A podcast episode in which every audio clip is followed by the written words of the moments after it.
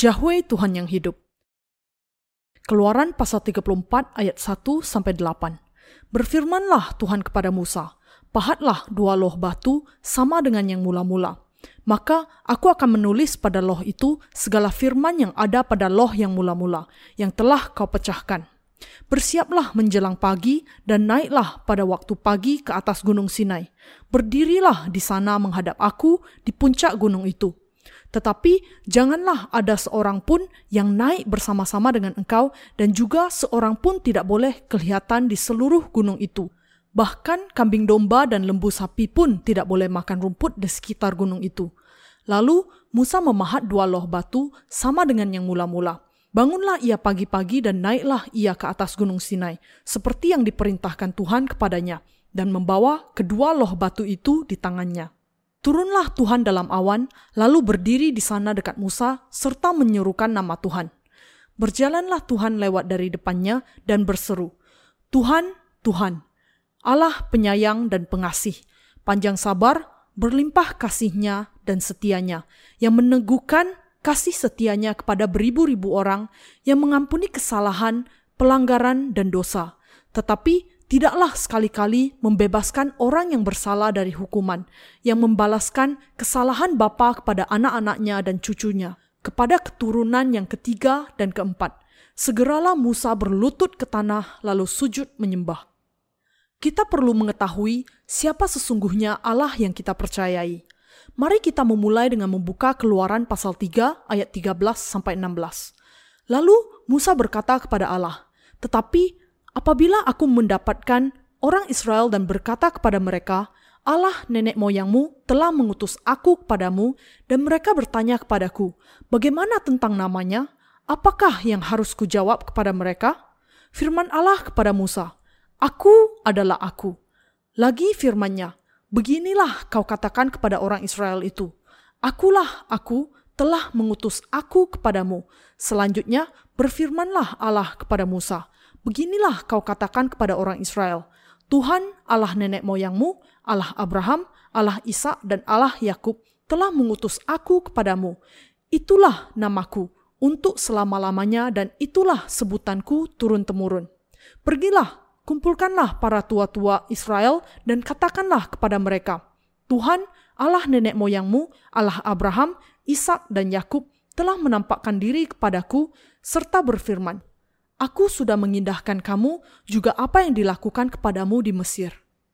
Siapakah Yahweh itu? Nama Tuhan dalam bahasa Ibrani adalah Yahweh atau YHWH yang biasa disebut Jehovah. Dan Yahweh berarti dia yang ada dari dirinya sendiri. Yahweh dengan kata lain bukanlah ciptaan, tetapi dia yang ada karena dirinya sendiri. Pencipta yang menjadikan alam semesta dan segala sesuatu yang ada di dalamnya. Mari kita lihat di Keluaran pasal 6 ayat 1 sampai 6. Selanjutnya, berfirmanlah Allah kepada Musa, "Akulah Tuhan. Aku telah menampakkan diri kepada Abraham, Ishak dan Yakub sebagai Allah yang Maha Kuasa. Tetapi dengan namaku Tuhan, aku belum menyatakan diri.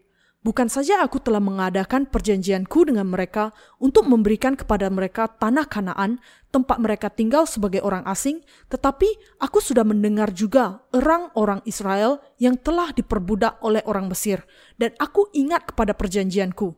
Sebab itu, katakanlah kepada orang Israel, Akulah Tuhan, Aku akan membebaskan kamu dari kerja paksa orang Mesir, melepaskan kamu dari perbudakan mereka, dan menebus kamu dengan tangan yang terancung dan dengan hukuman-hukuman yang berat. Aku akan mengangkat kamu menjadi umatku, dan aku akan menjadi Allahmu, supaya kamu mengetahui bahwa akulah Tuhan, Allahmu, yang membebaskan kamu dari kerja paksa orang Mesir. Dalam ayat 2 di atas disebutkan, Aku telah menampakkan diri kepada Abraham, Ishak dan Yakub sebagai Allah yang Maha Kuasa, tetapi dengan namaku Tuhan aku belum menyatakan diri. Dalam Alkitab versi King James Version, ayat dengan namaku Tuhan dituliskan sebagai dengan namaku Jehovah.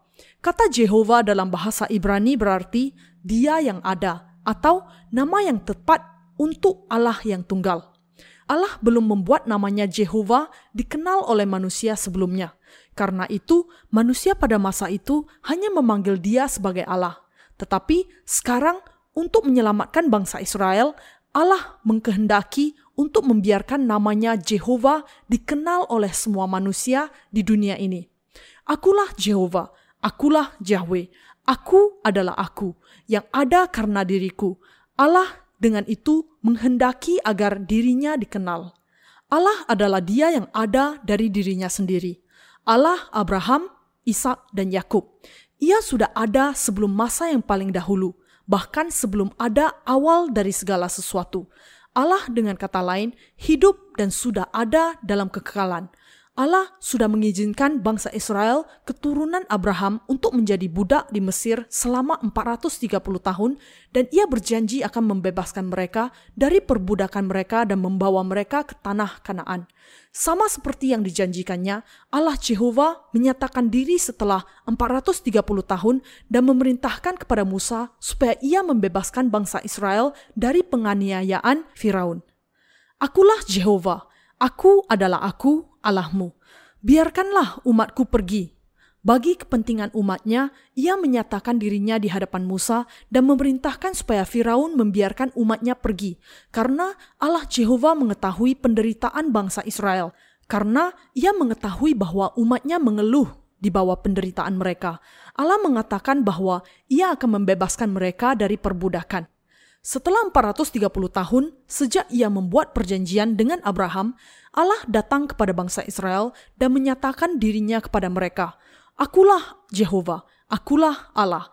Aku datang untuk menggenapi perjanjian yang aku buat dengan Abraham, bapa leluhurmu, bahwa aku akan membawa keturunannya keluar dari tanah Mesir menuju ke Kanaan dan aku juga mengetahui semua penderitaanmu. Sekarang pergilah kepada Firaun dan katakanlah hal itu kepadanya. Inilah yang dikatakan oleh Allah Jehovah. Kita harus mengerti bahwa Allah memang Allah Abraham, Ishak, dan Yakub. Allah juga Allah kita sendiri, yaitu Allah Anda dan saya. Apa kemudian namanya? Namanya adalah Yahweh, yang artinya Dia yang ada dari dirinya sendiri. Allah sudah ada bahkan sebelum penciptaan alam semesta yang ada bukan karena sesuatu yang lain, tetapi dari dirinya sendiri. Kita harus memahami arti nama Yahweh. Teramat sangat penting bagi kita untuk mengerti dan percaya bahwa Yahweh adalah sungguh-sungguh Dia yang ada dari dirinya sendiri. Dia yang menciptakan kita, yang menguasai kita, dan yang membebaskan kita dari segala dosa kita. Kita harus percaya kepada Allah Yahweh sebagai Allah kita yang mutlak, karena Allah Yahweh inilah yang sebenarnya sudah menciptakan seluruh alam semesta dan yang tetap ada sampai sekarang. Seperti bangsa Israel, Anda dan saya juga percaya kepada Allah dan juga sudah menerima perintah-perintah di hadapannya. Sama seperti bangsa Israel gagal untuk menaati seluruh isi hukum Taurat, kita juga sudah gagal untuk hidup sesuai dengan hukum Taurat. Dengan demikian, karena dosa-dosa kita di hadapan Allah, kita juga termaksud makhluk yang tidak bisa menghindar dan harus takluk kepada penghukuman atas dosa yang mengerikan. Karena dosa-dosa kita dengan kata lain, kita sungguh-sungguh tidak memiliki harapan untuk lepas dari penghukuman darinya atas dosa-dosa kita. Inilah sebabnya mengapa setiap orang dari kita harus membayar tebusan kepada Allah untuk memperdamaikan dosa-dosa kita. Untuk diselamatkan dari dosa kita, kita harus memberikan kepada Allah Bapa upah pendamaian yang setara dengan kehidupan kita, dengan iman kita.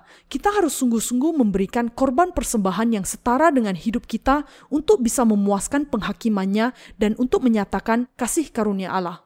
Hanya dengan memberikan pendamaian yang nyata bagi hidup kita untuk dosa-dosa kita saja, maka pendamaian akan dipulihkan antara Allah dengan kita sebagai manusia. Hanya melalui iman sajalah kita bisa diselamatkan dari dosa-dosa dan penghukuman kita. Karena memang demikianlah yang terjadi. Setiap kali kita menghadap Allah, kita harus mengakui karena dosa-dosa yang sudah kita lakukan kepadanya bahwa kita tidak bisa tidak menghadapi penghakiman dan dihukum atas dosa-dosa itu.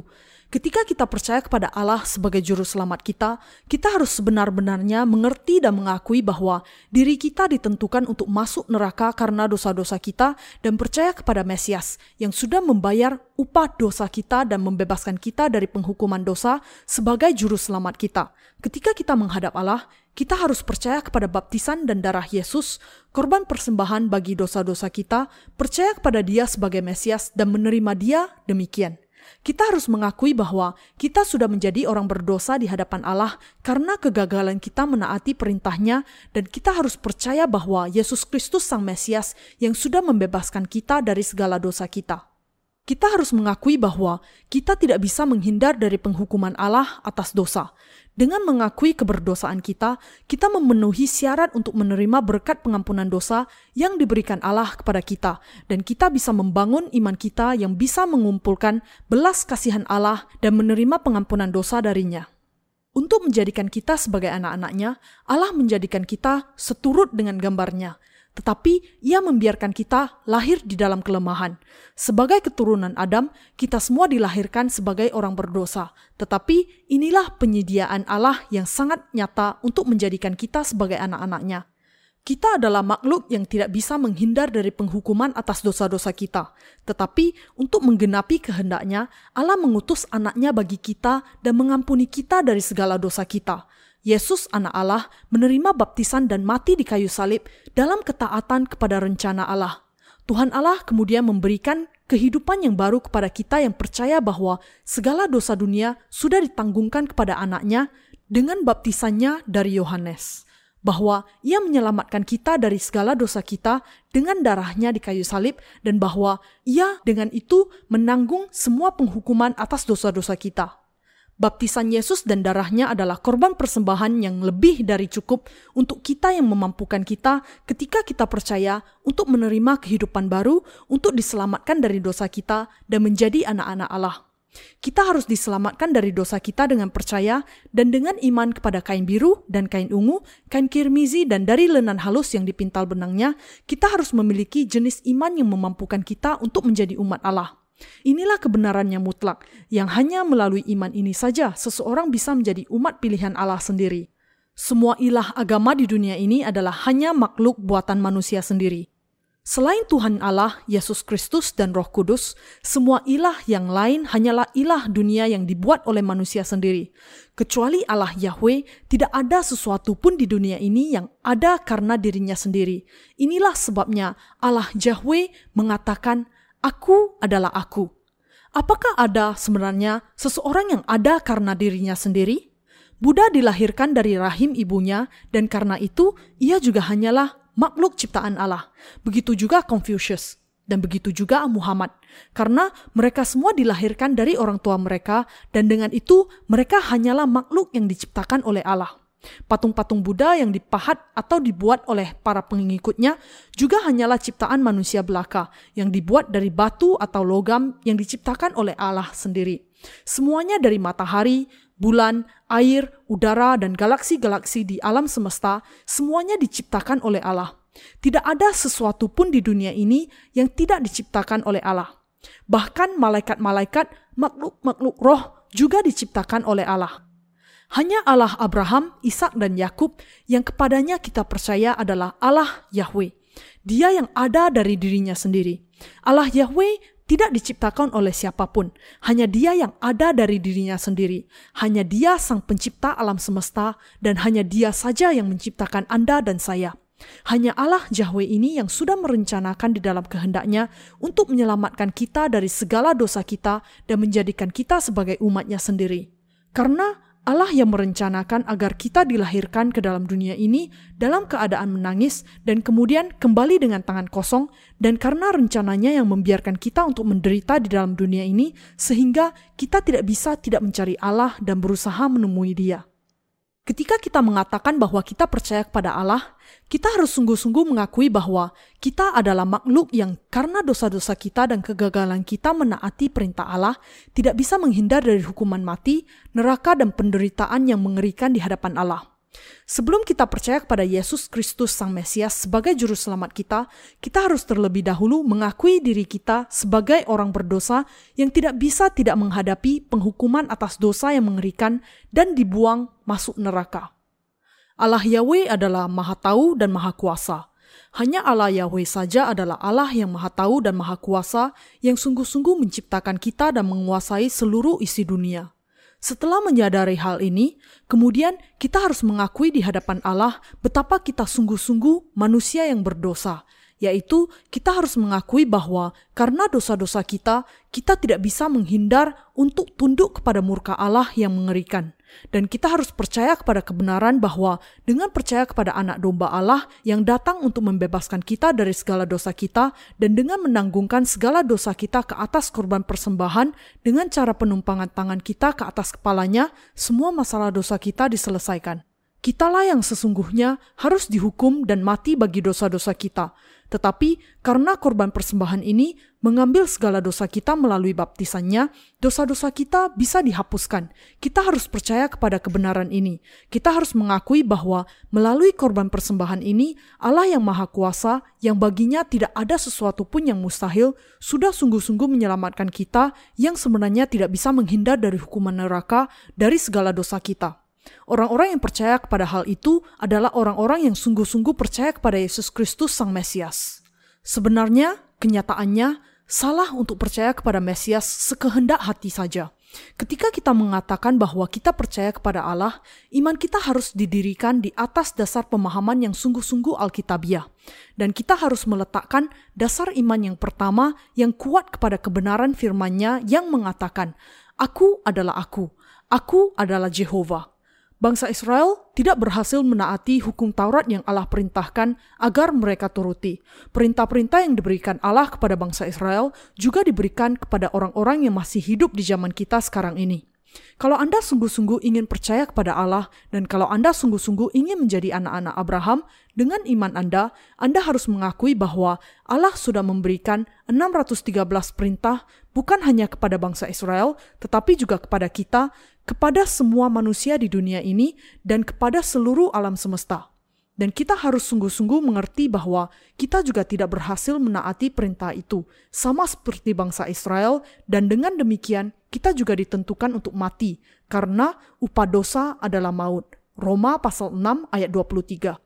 Kita harus percaya bahwa Allah sudah mengampuni dosa kita dengan kebenaran kain biru dan kain ungu dan kain kirmizi.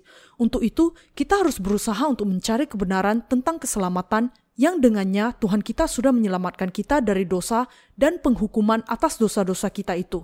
Kalau kita sudah gagal untuk menaati perintah-perintah Allah yang sangat kuat, kalau kita tidak menyadari bahwa kita adalah orang-orang berdosa yang sangat menjijikkan, dan kalau kita tidak mengakui bahwa kita memang ditentukan untuk dihukum atas dosa-dosa kita, maka kita tidak akan bisa percaya kepada Mesias. Kalau manusia mau percaya bahwa mereka akan bisa masuk surga meskipun mereka masih memiliki dosa, ketika pada kenyataannya Allah sudah mencatat dosa-dosa mereka di dalam kitab penghakiman, mereka justru sedang mengubah hukum Taurat Allah sesuai dengan kehendak mereka sendiri, melakukan dosa menyebut nama Allah secara sembarangan. Orang-orang yang demikian tidak akan pernah bisa diselamatkan dari dosa mereka. Mereka akan selama-lamanya dihukum dengan penghukuman neraka karena biarpun mereka percaya kepada Allah atau mereka sebenarnya tidak mengenal Allah. Orang-orang itu harus bertobat saat itu juga dan berbalik dari ketidakpercayaan mereka. Bahkan pada saat ini juga Allah ada di dalam hati kita dan ada dari dirinya sendiri di segala tempat dan ia tahu segala sesuatu tentang diri kita. Meskipun Allah itu hidup, ada orang-orang yang tidak percaya kepadanya, bahkan ada yang sampai menghujat dia. Tetapi kita semua sebenarnya membutuhkan korban persembahan bagi dosa-dosa kita. Inilah sebabnya Allah membuat bangsa Israel memberikan korban pendamaian dengan korban persembahan mereka di mesbah korban bakaran di kemah suci yang sejalan dengan cara keselamatan yang sudah ditetapkan Allah. Allah memang dia yang ada dari dirinya sendiri. Dia adalah yang sudah ada dan yang sekarang ada. Ia adalah Allah yang hidup menyatakan diri dan berbicara kepada bapak-bapak iman kita di zaman dahulu. Dia yang hidup menyatakan diri dan berbicara kepada kita sekarang, ia yang bekerja di antara kita, memimpin kita, dan memerintah atas seluruh kehidupan kita. Kebenaran yang tidak boleh kita lupakan. Meskipun kita sudah diselamatkan, ada satu hal yang tidak boleh kita lupakan. Kebenaran itu adalah bahwa meskipun kita tidak bisa menghindar dari penghukuman kekal, dengan baptisannya dan curahan darahnya di kayu salib, Tuhan kita sudah membebaskan kita dari semua penghukuman atas dosa-dosa kita. Sampai hari di mana kita menghadap Allah, sebenarnya kita tidak boleh lupa akan kebenaran ini dan senantiasa mempercayainya di dalam hati kita. Kita harus tetap mempercayainya bahkan pada saat kita berada di dalam kerajaan surga memuji Allah. Kita harus bersyukur kepada Allah yang memungkinkan kita, orang-orang yang tidak bisa menghindar dari kutukan kekal dan penghukuman atas dosa-dosa kita, untuk percaya kepada Tuhan kita sebagai Juru Selamat kita, dan karena Ia memberikan kepada kita kehidupan yang kekal. Kita harus mengenal Injil, air, dan Roh sampai selamanya. Apa yang akan terjadi kalau kita tidak mengakui bahwa kita memang ditentukan untuk menjalani penghukuman kekal karena dosa-dosa kita? Itu membuat tidak ada alasan bagi kita untuk memuji Allah. Allah sudah sungguh-sungguh menyelamatkan kita, makhluk fana yang tidak bisa menghindar dari penghukuman kekal karena dosa-dosa kita. Inilah sebabnya kita harus percaya dan memuji Tuhan, karena Tuhan kita sudah menerima baptisannya dan mencurahkan darahnya bagi kita. Inilah sebabnya Anda juga harus percaya dan inilah sebabnya kita harus memberitakan Injil air dan roh. Orang-orang yang percaya kepada baptisan yang diterima Allah dan darah yang dicurahkannya bagi dosa-dosa mereka memiliki hati yang memuji Allah. Karena Tuhan sudah menyelamatkan mereka dari segala dosa mereka dan kematian, mereka memuji Dia setiap hari dengan iman mereka. Masalahnya adalah karena beberapa orang sudah salah paham tentang Yesus, pengetahuan mereka tentang Dia hanyalah sepihak dan setengah kosong. Mereka adalah orang-orang yang hati nuraninya sudah dicemarkan, yang tidak pernah menyadari bahwa mereka melakukan dosa ketika mereka sebenarnya sedang tenggelam di dalam berbagai macam dosa. Orang-orang yang melakukan dosa tetapi tidak pernah menyadari tentang dosa-dosanya, mereka tidak lain adalah orang-orang berdosa. Meskipun kita sebenarnya makhluk yang lemah yang tidak bisa tidak melakukan dosa, kita harus mengakui dosa-dosa kita setiap kali kita melakukannya. Dan kemudian kita harus memastikan baptisan Tuhan dan darahnya di kayu salib, yaitu Injil air dan roh. Dengan demikian, kita sebenarnya sedang mengakui bahwa kita tidak lain hanyalah orang berdosa di hadapan Allah. Dan dengan sungguh-sungguh percaya kepada Injil air dan roh, kita bisa bernapas lega. Memang dengan percaya kepada Injil air dan roh, kita sudah mendapatkan kedamaian di dalam jiwa kita. Ketika saya berbicara mengenai keadaan tidak berdosa, tidak berarti bahwa kita tidak mau mengakui kalau kita sebenarnya melakukan dosa itu. Itu tidak berarti bahwa orang-orang yang percaya kepada Injil air dan roh tidak perlu mengakui dosa sebagai dosa. Meskipun kita memang sebenarnya sudah dilepaskan dari segala dosa kita, kita masih mengakui bahwa dosa-dosa yang kita lakukan memang dosa-dosa kita. Yang tidak boleh kita lupakan adalah bahwa meskipun kita tidak bisa menghindar dan harus menjalani penghukuman kekal karena dosa-dosa kita, Tuhan kita sudah menyelamatkan kita dari dosa kita dan penghukuman atas dosa dengan baptisannya, darahnya di kayu salib, dan kebangkitannya. Kita jangan sampai pernah satu kali pun untuk lupa bahwa Tuhan sudah menyelamatkan kita dengan kain biru dan kain ungu dan kain kirmizi, tetapi justru harus senantiasa percaya kepada hal itu dan memuji Dia. Kita harus ingat bagaimana keadaan kita sebelumnya. Ingatlah bahwa dahulu kita makhluk yang malang yang tidak bisa menghindar dari penghukuman kekal atas dosa-dosa kita. Dan kita harus memuji keselamatan pengampunan dosa yang diberikan oleh Allah dan bersyukur kepadanya setiap hari karena anugerah keselamatannya yang sangat besar. Tidak lain dari hal ini sajalah iman orang-orang yang percaya kepada Injil, air, dan roh. Allah Yahweh yang hidup sampai saat ini. Sama seperti Yahweh adalah Allah Abraham, Ishak dan Yakub, ia saat ini adalah Allah Anda dan saya. Allah tidak menghendaki kekacauan tetapi damai sejahtera. 1 Korintus pasal 14 ayat 33. Ia bukanlah Allah dari orang-orang Kristen yang memiliki perbuatan yang berpura-pura penuh kebaikan, tetapi ia adalah Allah bagi orang-orang yang percaya kepada Injil air dan roh. Kita memiliki iman yang percaya kepada firman Allah dan percaya kepadanya dengan ya. Allah adalah Allah kita. Ketika Ia mengatakan kepada kita, "Engkau ditentukan masuk neraka," kita mengatakan, "Ya, engkau benar." Ketika Ia mengatakan, "Engkau akan terus melakukan dosa sampai mati," maka kita akan mengatakan, "Ya, engkau benar." Dan ketika Ia mengatakan kepada kita, "Tetapi aku sungguh-sungguh sudah menyelamatkan engkau dengan kain biru dan kain ungu dan kain kirmizi dariku," kita juga hanya bisa mengatakan, "Ya, engkau sangat benar. Kita kemudian menjadi umat Allah yang senantiasa mengatakan kepadanya dengan ya. Saya bersyukur kepada Allah atas anugerahnya yang sudah menyelamatkan kita dengan Injil, air, dan roh. Kita harus percaya dan mengakui di dalam hati kita bahwa Tuhan kita memang sudah menyelamatkan kita dari dosa melalui air, darah, dan roh. Dan dengan itu, ia menjadikan kita umat bagi kerajaan Allah. Ucapan syukur kepada Tuhan dengan percaya kepada Injil, air, dan roh adalah hadiah keselamatan yang Allah sudah berikan kepada Anda. Saya mengucapkan syukur kepada Allah untuk selamanya dengan iman yang memberi keselamatan kekal kepada saya, yang sebenarnya tidak bisa menghindar dari hukuman neraka karena dosa-dosa saya dengan Injil air dan roh.